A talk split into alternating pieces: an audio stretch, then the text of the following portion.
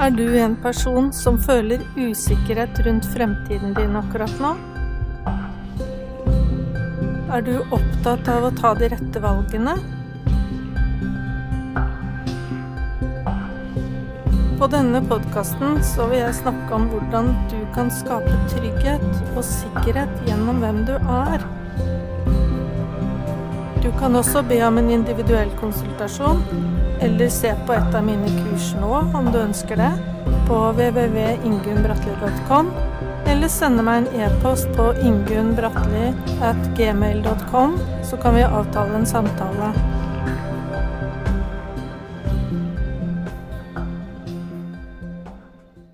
Hei, da ønsker jeg hjertelig velkommen til denne podkastepisoden. Som jeg har gjort de siste gangene nå, så vil det også være varsling. Problemstillinger knytta opp mot varsling som blir tema. Jeg har tenkt til å avgrense episoden til å snakke om, om et varsel i seg selv, og litt om hva man kan oppleve i prosessen etter at man har varslet. Og til slutt litt hva er veien videre, da, for en som har varslet etter eh, prosessen og etter varselet er levert.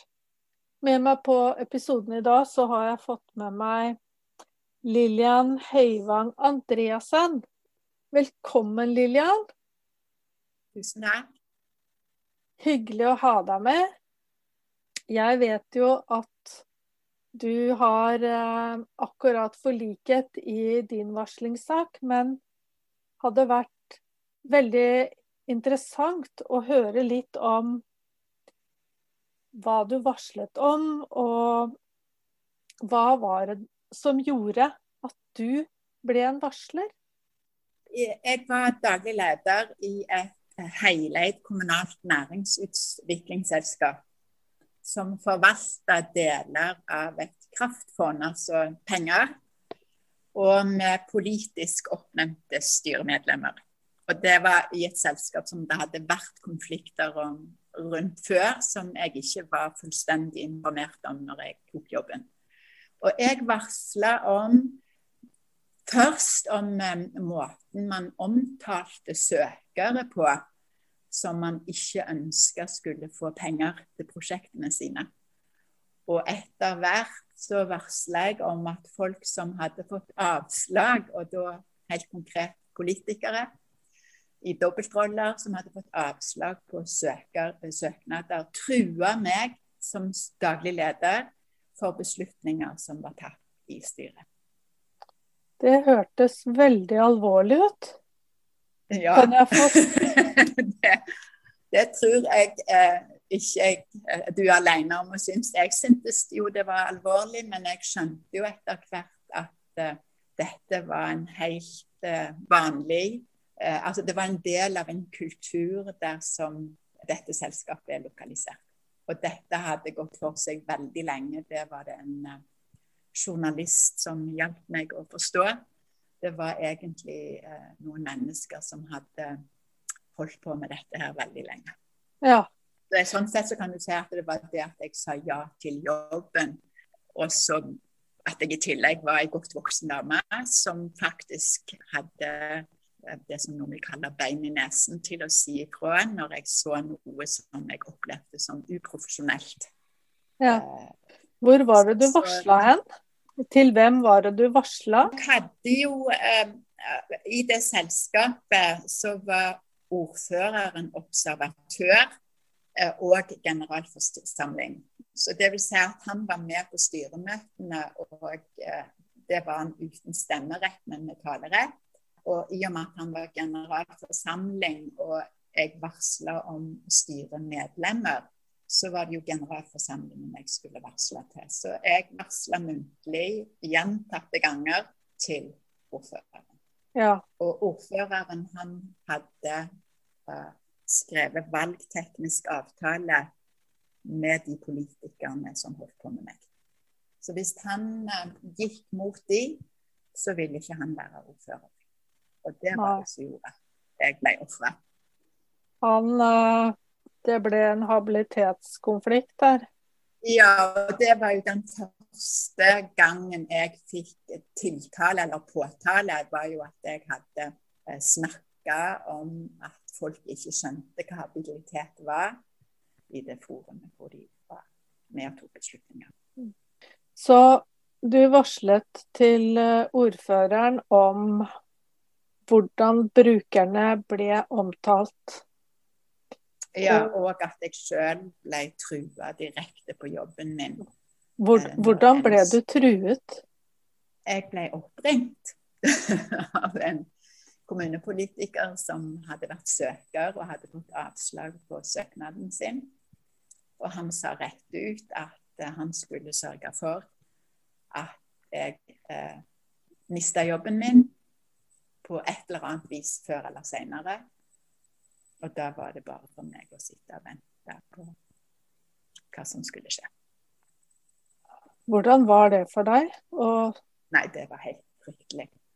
Uh, og det var, det var fryktelig òg fordi at han hadde ikke vært styreleder mer enn noen dager før han første gangen markerte at han var i gang med å gjennomføre det som han hadde trua meg med.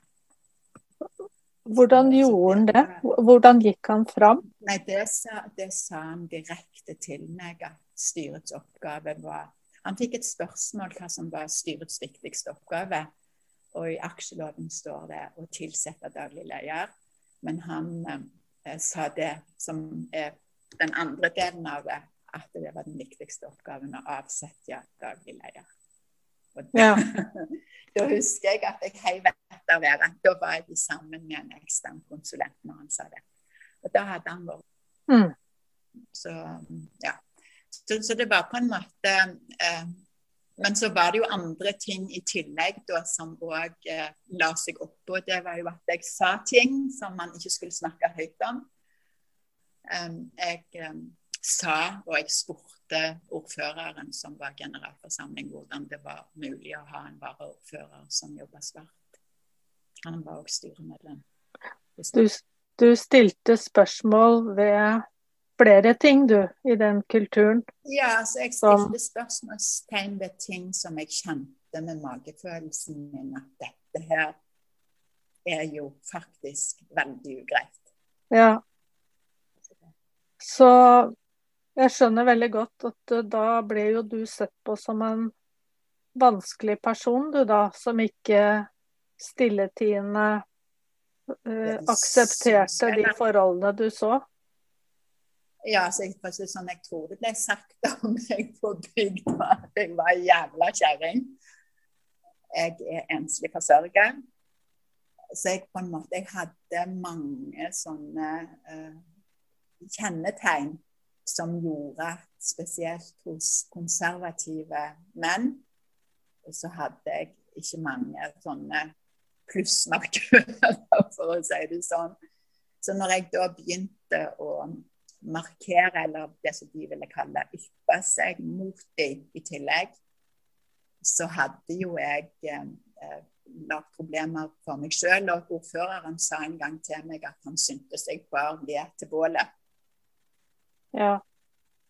Altså det at jeg ikke bare trakk meg altså han, Hamstrøm var nok at jeg bare skulle pakke eska sammen og stikke. Ja. Og si opp sjøl. Eh, men jeg hadde jo begynt å bygge hus her inne, så det var jo helt uaktuelt. Ja.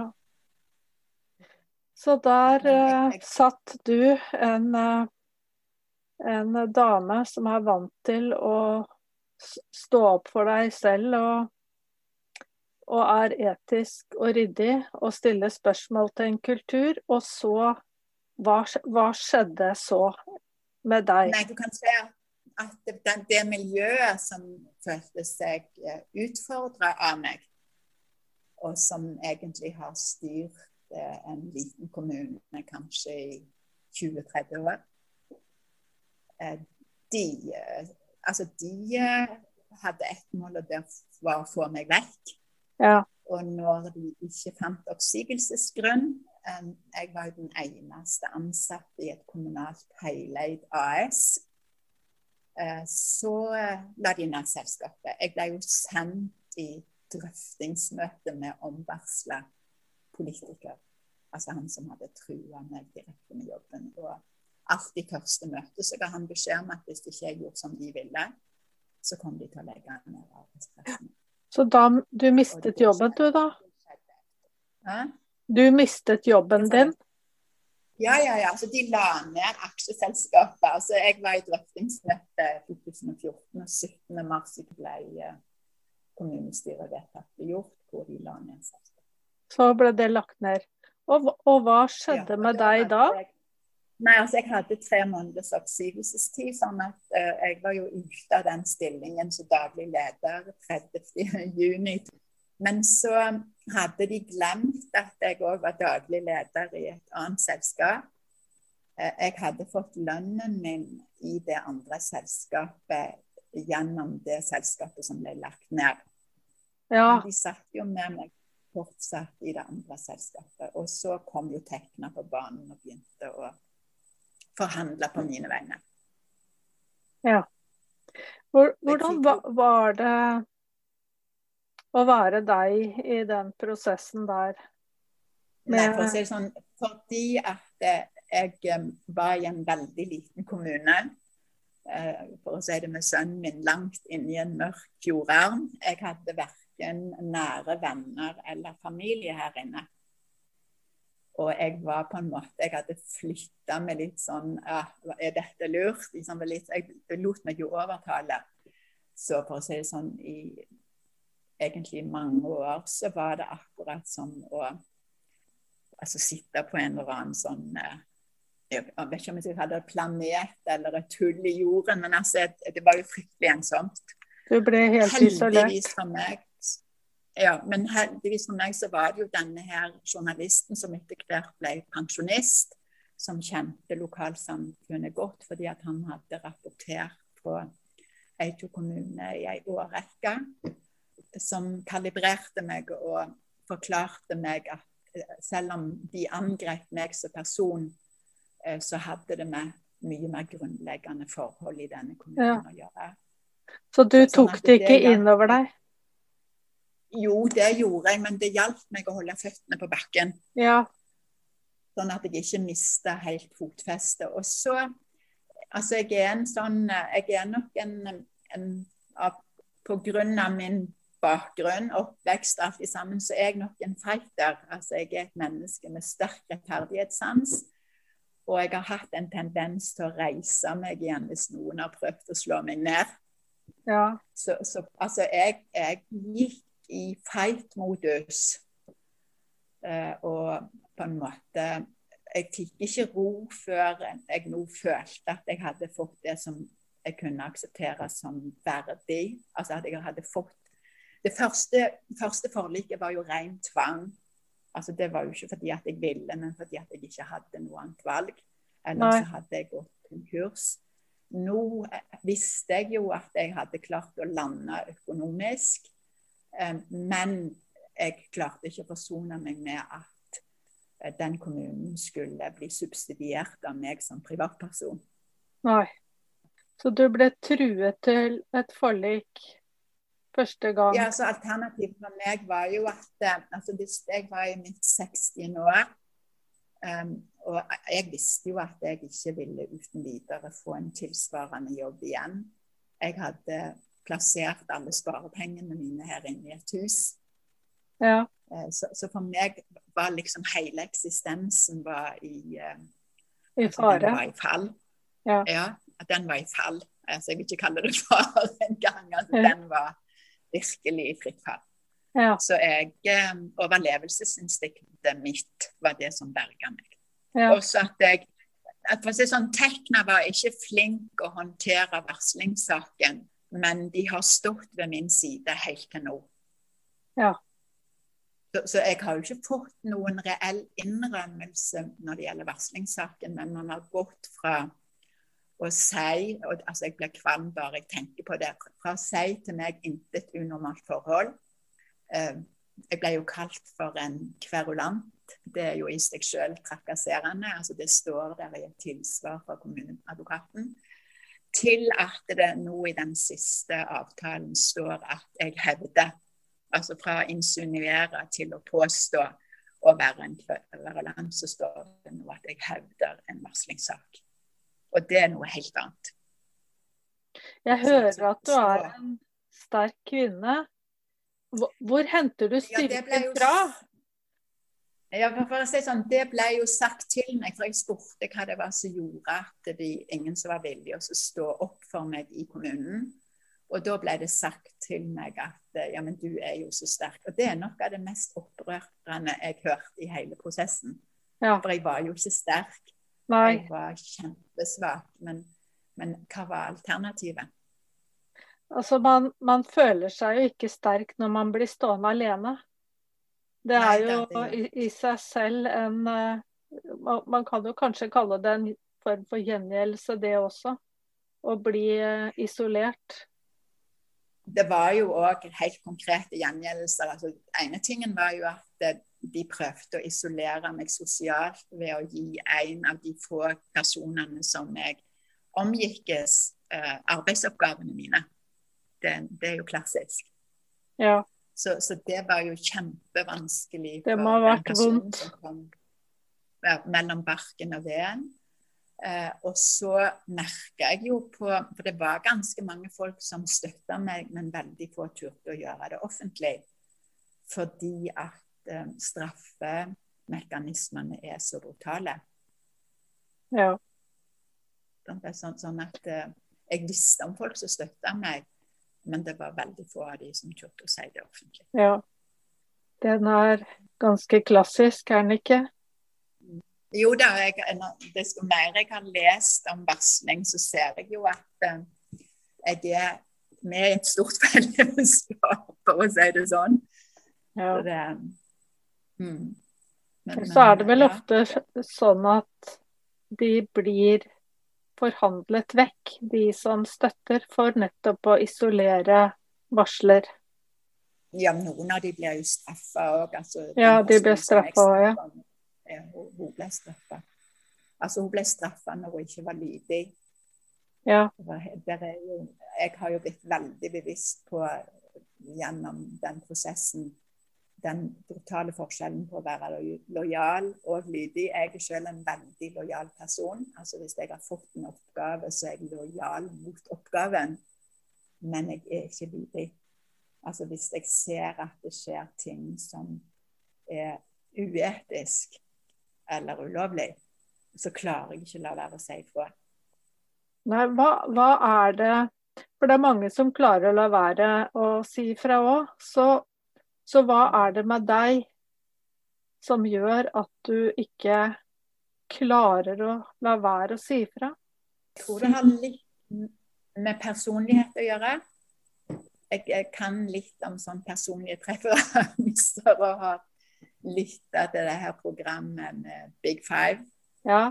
Og jeg, jeg, jeg, ser jo Jeg har tatt den testen som ligger på NRK, og den bekrefter. Altså jeg har preferanser som gjør at jeg har en vanvittig rettferdighetssans. Ja. Det er vel et felles trekk for oss som er varslere òg, at vi er ja, ja, jeg tror at hvis du hadde tatt personlighetspreferanser på varslere, så ville du funnet at vi har en del ting til felles. Ja, det tror Også, jeg òg. Så jeg har jo på en måte fått testa rettferdighet.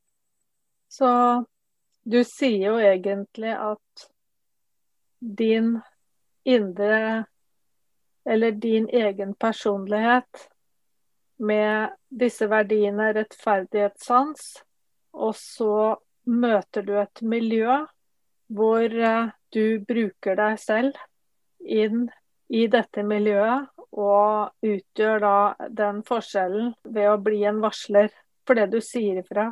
Ja da absolutt. Og jeg ser jo det, det som skjer med veldig mange varslere. Ja. Og det, det, det, blir jo sånn at du altså du blir jo sittende og kjenne på om du kan eh, stå inne for det hvis du holder munn. Ja. For du skal jo leve med deg sjøl. Og så er det en risiko òg, fordi man blir jo delaktig i det uetiske hvis man ikke tar en, et standpunkt. Det er i hvert fall min opplevelse. Ja, altså, altså, jeg har jo tenkt litt over min egen yrkeskarriere. og Jeg var ferdig utdanna i um, august i 1982 i Tromsø på Fiskerihøgskolen. Og jeg fikk min første jobb. Eh, da var jeg landets første oppdrettskonsulent i Rogaland fylke. Hva ble veien videre for deg etter varslingen? Hva er det som gjorde at det snudde? Du fortalte meg det, nei, det, det, begynte med en blogg. Altså, jeg, ja, altså jeg tapte jo. Jeg gikk jo alene i retten i fjor, 23. Eh, januar, fordi at jeg ville kjempe for å få ut mine egne penger. Og så tapte jeg på foreldre, så jeg ble lurt. Altså, de delte opp saken, og de gjorde det på en sånn måte at hvis de klarte å, å få det til å se ut som det var et foreldrekrav som kreditor, så var på en måte alt andre avskåret fra å bli behandla. Da ble jeg så provosert. Og jeg hadde jo aldri vært kreditor, jeg hadde vært ansatt. Og jeg hadde bedt om å få pengene ut helt siden uh, juni 2015. Og de løy til meg. Jeg, altså jeg fikk jo vitneutsagn òg fra motparten sine vitner den 23. januar i fjor, som ga meg bevis på at jeg var blitt løyet for. Ja. Men så begynte du med denne bloggen. Ja, det var jo for at jeg tapte, og jeg fant ut at jeg måtte få fram hva det var som faktisk var, var skjedd. Og bloggen hadde én målgruppe, og det var politikerne i kommunestyret der jeg bor. Fortell litt om den bloggen. Ja, den bloggen den beskrev jo for at jeg det var en veldig kompleks sak, fordi det var jo ikke bare ett selskap, det var flere selskap. Eh, det var veldig mange personer involvert. Eh, avisene kasta jo inn håndkleet når de skjønte bl.a.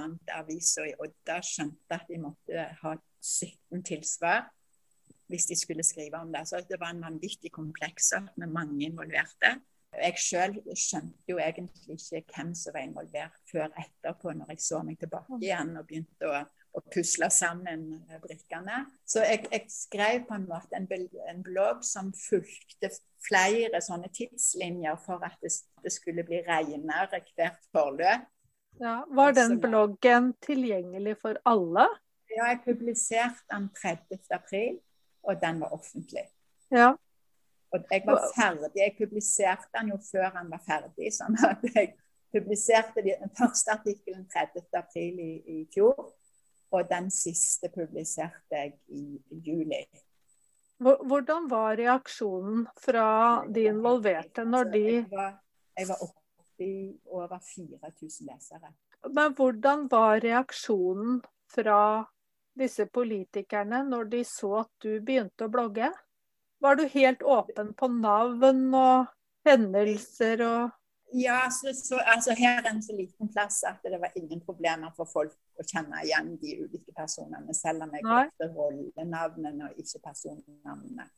Og så hadde jeg en egen, eh, et egen kapittel som heter 'Skapningens herrer', som handler om habilitet. Og da måtte jeg jo synliggjøre hvem som navnene på de som hadde hatt de ulike rollene. Og da ble det jo òg veldig tydelig hvor det var grov inhabilitet. Ja. Det som var det mest bemerkelsesverdige, det var jo alle de som sa til meg jeg har ikke lest bloggen. Ja. så det ble, Men det hadde de det ble litt ko, det ble komisk. Fordi at de som jeg hadde henvendt meg til med bloggen, altså politikerne, presiserte at jeg har ikke lest bloggen. Nei. Det hva gjorde at den bloggen ble vendepunktet for deg? det var når jeg fikk eh, For det var noe, jeg hadde ikke penger til å anke, og det koster 25 000 i, i sånn rettsgebyr. Og så ble jeg tipsa om at jeg kunne be om gjenåpning av saken hvis det hadde skjedd grove saksbehandlingsfeil eller noe utilbørlig i retten. Og jeg opplevde jo forbudt gjengjeldelse i retten. Hva var det altså, handla om? Saksomkostningene var pakka inn som en grov forskjellsbehandling. På hvilken måte da? det ble sagt helt konkret at Eide kommune har eh, tradisjon for å ta saksomkostningene når de må med egne eller tidligere ansatte i retten Eide kommune. Så jeg fikk gjenåpna saken i Haugaland tingrett. Jeg passet på å komme altså Jeg valgte en tingrett som var stor, men jeg ville ikke til Bergen. kommuneadvokaten eh, Bergen. Så, så, jeg fikk han gjenåpna i Haugesund. Og så skulle jeg jo i retten sammen med Tekna for å få betalt for ekstraarbeid. Og så denne gangen så klarte jeg å time det sånn at gjenåpningen landa på bordet i kommunen samtidig som jeg skulle møte kommunen. Hva har denne saken gjort med deg? Jeg, jeg ser jo Nå ser, sitter jo jeg og ser på deg også, på Zoom. Jeg ser jo det at du er sikkert veldig fylt opp av alle disse historiene gjennom å stå i det i så mange år. Mm. Har det påvirka helsa di? Har du vært ja. sykemeldt? Er det jeg spør om? Ja, jeg har, jeg har vært sykemeldt. Jeg er blitt ufør. Den, jeg har måttet kjempe med Nav òg. Uh, og jeg har fått en varig uh, knekk på min psykiske helse som jeg skal leve med resten av livet. Det er jo også noe som går igjen. Ja, og derfor er det veldig opprørende at Nav fortolker reglene om yrkesskade på en sånn måte at du skal altså sånn, du skal kjempe masse for å få erstatning for uh, psykisk yrkesskade. Enda man blir posttraumatisk Ja, det er jo belast den diagnosen. Ja, blir belastet mm. med å stå så, i sånne jeg, prosesser. Jeg merker sjøl at jeg har eh, Jeg har alltid på en måte hatt ganske god kapasitet på å håndtere stress og ta meg fort inn igjen. Men nå er det jo nok at jeg skal um, kjøre til familien min i Bergen. Da våkner jeg klokka tre om natten og får ikke sove. Så det, jeg, måte, det er et eller annet med denne stresshåndteringen. Der har strikken røket. Så jeg må på en måte jobbe litt ekstra med å roe meg sjøl ned. Men jeg, men jeg, har fått skryt hos de ja. som jeg har gått i behandling hos, på at jeg er flink til å gjøre de riktige tingene. Så jeg, liksom, jeg er ikke støtt i det. Jeg ligger ikke i stabilt sideleie og syns synd på meg sjøl. Uh, eh, og det er jo òg en av grunnene til at jeg har valgt å bli her, at uh, naturen uh, hjelper meg. Så jeg bruker masse tid på å være ute. Det er veldig godt å høre. Hvis du skulle er, Vi er jo ikke alene her om Nei. å være varslere. Hvis du skulle oppsummere noen råd til andre varslere, eller til andre som tenker på å varsle? Ja, det første er jo at du må vite hva du gjør, og det at det har en pris. Jeg tror det betyr noen ting hvor du er organisert, at du må være fagorganisert for å gjøre noe sånn som dette her. Altså, at hvis du skal betale advokatutgiftene dine sjøl, hvis jeg skulle ha betalt advokatutgiftene mine sjøl, så hadde det vært en katastrofe. Og så ser jeg jo at Eh, og det skal mm. mye mer til for å få de til å virkelig gå i krigen i en varslingssak. Det er, nesten, det er nesten ille, vet du, at du nevner det som et råd. Det med å få forsikring i forhold til advokatutgifter. Fordi det, det sier jo noe om at det er ikke bare varslingen det handler om, men det er alt det varsleren blir utsatt for etterpå, som gjør at du trenger en advokat. Hvis du skulle gi ledere som mottar et varsel, noen råd? Det er jo å lære seg skikkelig den paragraf 2a i arbeidsmiljøloven. Og skolere seg på hva som kreves av en leder som får varsel. Hva er det, det du går... savnet i din sak? De var, altså, de, de var analfabeter. for å si det rett ut. Det er jo en unnskyldning for de òg. At de hadde virkelig ikke peiling. De gjorde feil på feil på feil. på feil, Og de skjønte det ikke sjøl. Og jeg tror det er ganske utbredt. Jeg tror det er veldig, um, veldig vanlig i offentlig sektor. De bruker jo våre skattepenger på å betale advokaten som blir din motpart. Arbeidsgiver er uh, godt dekket og godt ivaretatt når det gjelder advokat. Det er jo varslingssiden av saken. Har du noen råd til arbeidsgiver når det gjelder ivaretagelse av deg som varsler? Ja, altså for sånn, Det var jo ingen som brydde seg om meg. Det var ingen som kontakta meg. og Det er jo helt, det er så grovt at det er nesten ikke til å tro. Altså det, det, er jo faktisk det å huske på at selv om du har et menneske som har fortalt noe som du ikke liker, så har du rettigheter som både arbeidstaker og menneske, og de må, men det må være noen som får beskjed om å følge deg opp. For du opplevde jo også at, eh, at heller ikke Nav ivaretok deg som menneske, eh, eller forsto Ikke Nav, ikke Arbeidstilsynet. Arbeidstilsynet syntes jo at det at jeg var alene i et selskap som var kommunalt eid, de visste ikke helt hvordan de skulle forholde seg i det hele tatt. Så de Nei. bare backa. Arbeidstilsynet er blitt sånn at de sender deg et generelt brev. så, så, jeg tenker at de har òg eh, ganske mye å gå på. Og jeg prøvde jo, jeg henvendte meg jo i alle retninger. Jeg var helt Riksadvokaten. Og alle pekte på hverandre. Fylkesmannen pekte på Arbeidstilsynet, Riksadvokaten pekte på Fylkesmannen. Ja. Eh, det er ma ma mange sider vi kunne snakket om når det gjelder en varslingssak. Lilian, jeg opplever deg som en veldig sterk kvinne. Det skal du ha. Og jeg må si jeg er ydmyk ved å høre at det finnes sånne som deg, som som står opp for noen verdier, har den rettferdighetssansen som du har vist. Det er behov for det i samfunnet vårt. Jeg kunne ønske at særlig mennesket blir bedre ivaretatt for de verdiene som du og andre bringer inn i sånne situasjoner der det virkelig er behov for å rydde opp.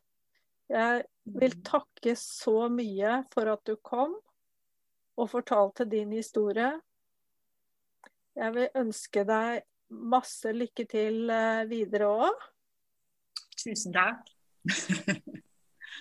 det trenger vi som er varslere. Trenger å uh, høre sånne ting som det. Så det sier jeg tusen takk. Og tusen takk skal du ha. Ha det godt. Ha det bra. Da avslutter jeg denne postkastepisoden med å ønske velkommen til å trykke del på episoden, eller legg til eh, på knappen nedenfor slik at du kan få en automatisk melding om når jeg legger ut neste episode. Send meg gjerne en e-post hvis du lurer på noe rundt varsling, eller om du står i en prosess til, på Ingunn Bratli, alfakrøll, gmail.com. Ha en riktig, riktig god dag videre.